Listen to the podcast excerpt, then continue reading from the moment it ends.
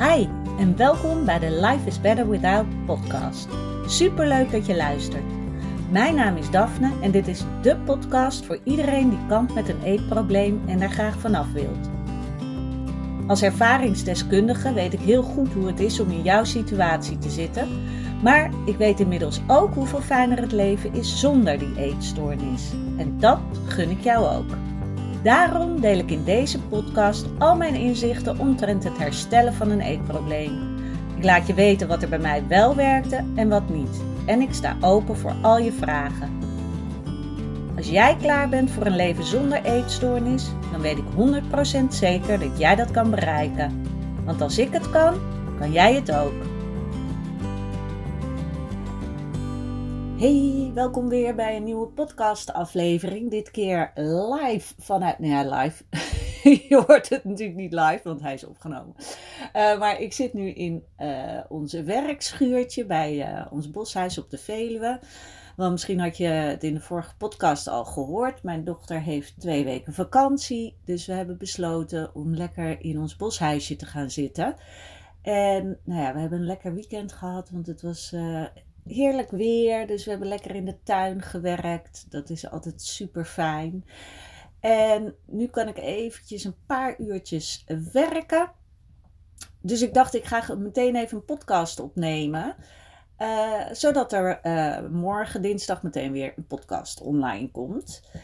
En afgelopen week um, heb ik uh, het schrijven van mijn e-book afgerond. En daarin deel ik 10 waardevolle tips met je als je aan de slag wil gaan met, het, uh, met je eetstoornis. En dat bedoel ik dus met je herstel van je eetstoornis. En het is natuurlijk geen uh, toverspreuk van als je het e-book leest, poef, dan uh, ben, je, ben je helemaal hersteld ervan. Maar het zijn wel tips die jou heel erg kunnen gaan helpen om op een positieve manier te gaan herstellen. En er zitten veel tips in die mij ook goed hebben geholpen. En eentje wil ik er uh, voor deze podcastaflevering uh, eventjes uit, uh, uitlichten. En dat is de tip omarm je angst. En ja, het is natuurlijk zo normaal wil je het liefst je angsten uit de weg gaan, wat ook heel logisch is. En ik denk ook dat als je ja, als je nog midden in je eetstoornis zit, dat je ook veel angsten hebt. Of in ieder geval veel onrust ook. Dus het gaat misschien niet alleen om angst, maar ook om die onrust die je hebt, die je voelt. En waardoor er een uh, angst kan ontstaan. En wat heel belangrijk is met die angsten, is om te kijken uh, of, of het realistische angsten zijn.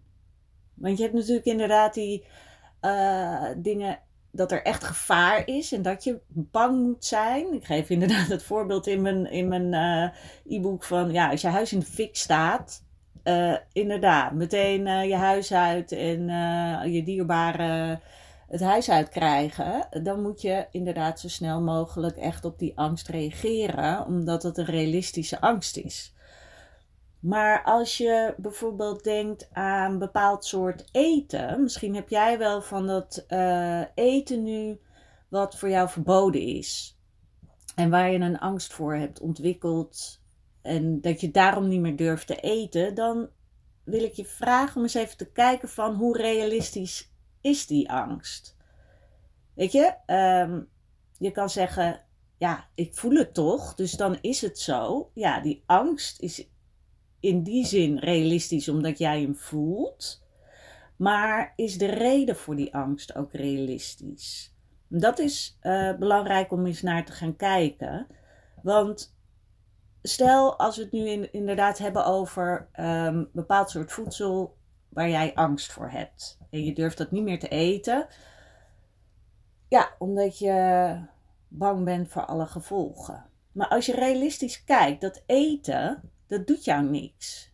Weet je wel, dat eten, um, of je moet inderdaad allergisch voor iets zijn, dan, uh, dan moet je er wel voor uitkijken. Maar in principe gaat dat eten jou niks aandoen. Weet je, uh, het, het gaat jou niet aanvallen. Het gaat niet naar tegen jou praten. Uh, het gaat je niet uitschelden. Je gaat er niet dood aan. Uh, het voedsel is niet groter dan dat jij bent. Zo van, oh god, wat eng. Het is te groot. Al voelt dat misschien voor jou allemaal wel zo. Maar ga eens even echt realistisch kijken. Wat is er nou eng aan dat voedsel zelf? Waarschijnlijk helemaal niks. En dan is het vervolgens heel goed om te bekijken van wat is het dan waar je bang voor bent? Nou, misschien, zeer waarschijnlijk, denk je, als ik dit ga eten, dan kom ik meteen heel veel aan. Nou, als je daar realistisch naar kijkt, is het zo dat als jij een keer een taartje eet, je echt niet meteen heel veel aan gaat komen. Misschien in het begin, als jij echt heel weinig eet en ondergewicht hebt, en weet je, dan kan het misschien in het begin als jij weer uh, voedsel gaat eten wat je niet mag eten, ja, dan moet je lichaam daaraan wennen. Maar als je er realistisch naar kijkt, je gaat niet meteen aankomen als jij een taartje eet. Dat zou gebeuren als jij de hele dag door heel veel taartjes eet en verder geen gezond voedsel. Maar dat is niet zo.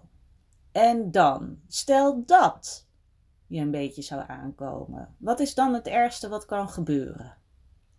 Misschien zit er in jouw hoofd van, uh, dan gaan mensen het zien.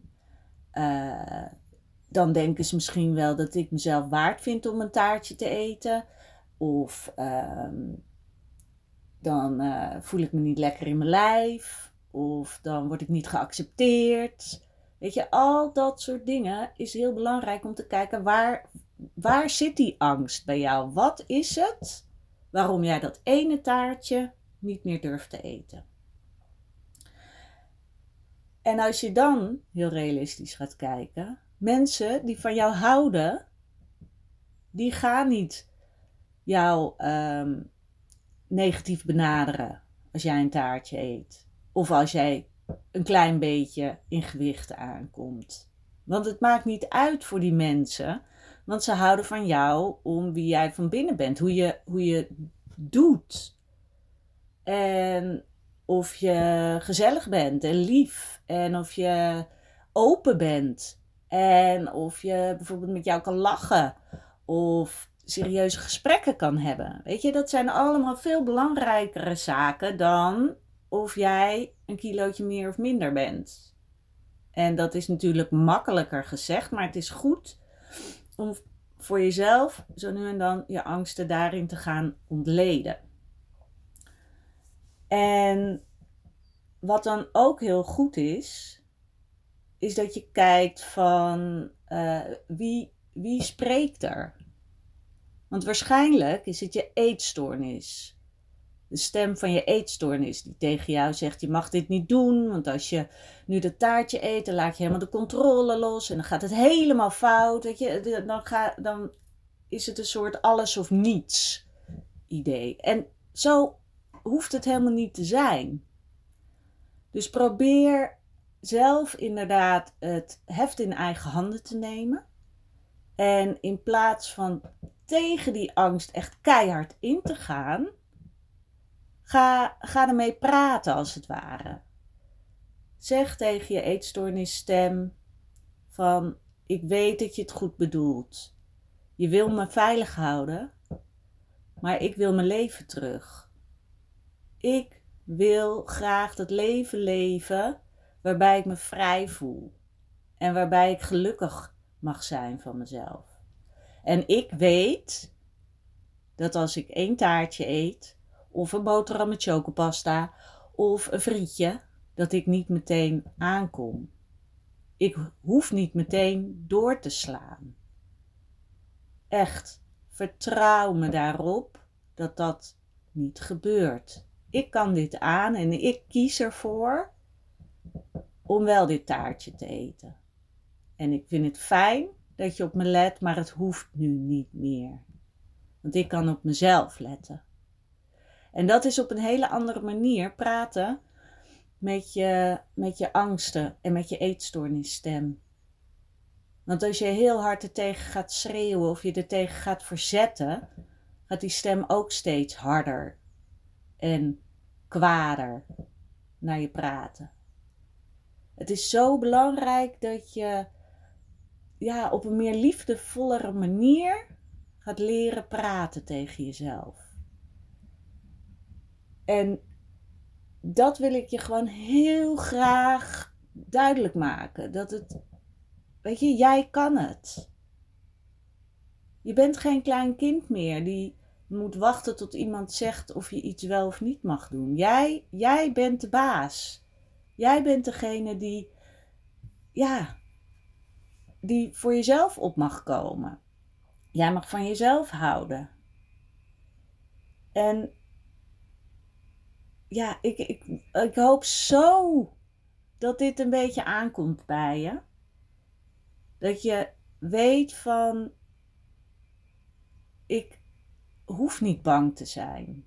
Want wat is nou het ergste wat kan gebeuren? Weet je, zo, zo mag je dat zien. Telkens verder ontleden van wat is dan het allerergste en dan. En wat gebeurt er dan? En is dat echt heel erg?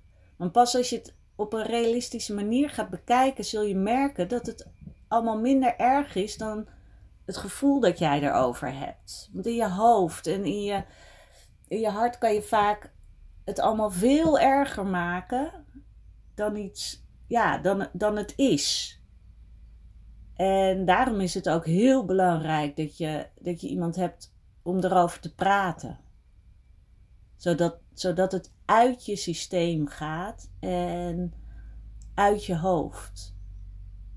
Want dat is denk ik het meest moeilijke gewoon bij een eetstoornis. Is dat je zo in je eigen hoofd zit. En dat die gedachten met je aan de haal gaan. Waardoor je het ook in stand houdt. Dus ja, ik hoop heel erg dat je, dat je dit voelt. En dat je liever voor jezelf gaat zijn. Dat je je angsten en je eetstoornis stem bedankt voor de zorg, maar nee, ik ga mijn eigen gang. Jij mag je eigen gang gaan. Jij hebt niemand nodig om te zeggen hoe het moet, want jij kan dit zelf. Oké, laat me weten of je hier wat aan hebt. Denk je nou, e-book? Welke e-book? Je kan het uh, gratis uh, uh, aanvragen op mijn website daphneholthuizen.nl. En dan kan je gewoon um, eventjes je naam en e-mailadres achterlaten. En dan krijg je een mail waarin je het meteen kan downloaden. je mag me ook een mailtje sturen als je hem graag wil. En je denkt, oh, ik weet niet hoe dat allemaal werkt. helemaal prima. En nou, ik vind het super fijn als je me laat weten um, ja, of het bij je binnenkomt. Deel deze podcast ook met mensen die er wat aan kunnen hebben. En dan wens ik je een hele fijne dag nog of avond wanneer je dit luistert. En heel graag tot de volgende podcast.